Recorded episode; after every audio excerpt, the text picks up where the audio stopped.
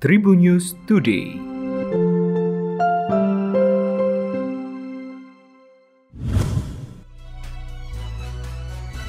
Halo apa kabar Tribuners, berjumpa kembali dengan saya Delta Gonzales. Kita awali Tribunnews Podcast kali ini dari kabar nasional.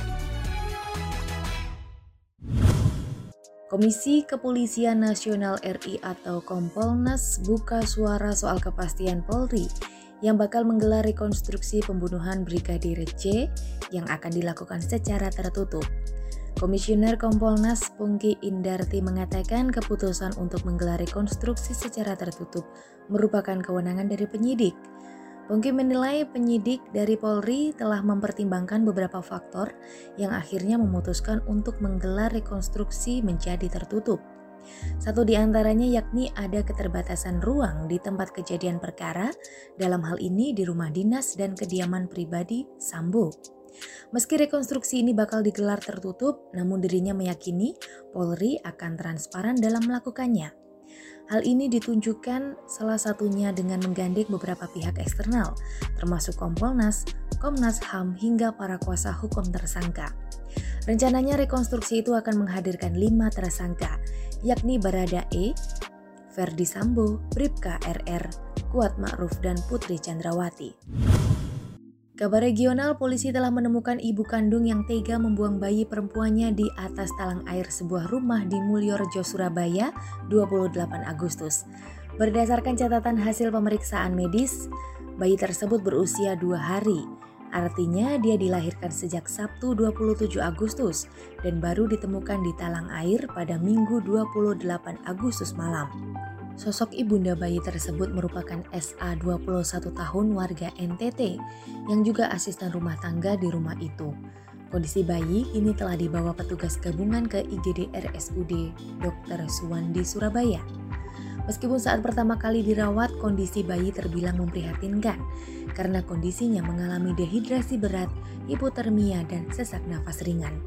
Pihak medis masih melakukan observasi terhadap bayi yang memiliki berat badan 2,1 ons dan panjang tubuh 46 cm. SA melahirkan bayinya sebelum akhirnya meletakkan di atas talang atap rumah sang majikan. Model dan pengusaha Klaviera Stefani mengaku baru saja dikecewakan oleh oknum pegawai toko kue milik Asanti dan Anang Hermansyah. Kekecewaan Klaviera itu bermula ketika dirinya memesan 39 kue untuk dikirimkan ke 13 orang, terdiri dari orang tua dan teman-temannya. Oknum pegawai toko meminta Klaviera agar pesanannya segera dilunasi, namun uangnya dikirim justru ke rekening pribadi bukan rekening toko. Setelah pembayaran selesai dan ada pernyataan kue akan dikirimkan. Namun waktu pengiriman justru berbeda. Ada satu pengiriman yang sampai di tengah malam dan juga keesokan harinya. Kejadian ini membuat Klaviera sangat kecewa kepada oknum pegawai toko itu.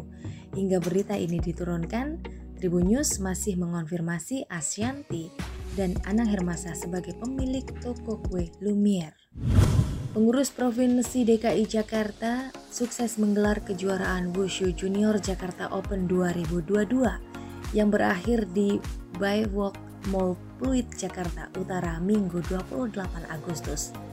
Event pertama tatap muka atau offline yang diikuti 307 atlet dari enam provinsi ini mempertandingkan nomor taulu, sanda, wing chun, dan ngocokun Ketua Pengprov WI DKI Jakarta Gunawan Cokro mengatakan Jakarta Open 2022 ini dalam rangka menjaring atlet-atlet junior terbaik DKI Jakarta yang bakal diterjunkan pada kejuaraan nasional Wushu senior dan junior tahun 2022 yang memperebutkan Piala Presiden di Surabaya 16 hingga 22 September mendatang. Jakarta Open 2022 dijadikan sebagai ajang uji coba dan menambah jam terbang bagi atlet Sasana Wushu di DKI Jakarta dan atlet dari daerah lainnya. Tujuannya bukan hanya memperlihatkan kemampuan mereka kepada atlet junior, tetapi juga mengevaluasi sejauh mana kemampuannya selama menjalani pemusatan atlet daerah DKI Jakarta. Pemprov BI DKI Jakarta menargetkan gelar juara umum dengan mengirimkan 80 atlet senior dan junior – yang tampil di nomor taulu dan sanda, serta empat atlet di nomor Wing Chun. Tekad untuk mempersembahkan medali emas diungkapkan Agni Agustin Dimoni, Jefferson Chen Lair, dan Joshua Nathanael. Demikian informasi dari Tribun News Podcast. Sampai jumpa di episode selanjutnya. Tribun News Today.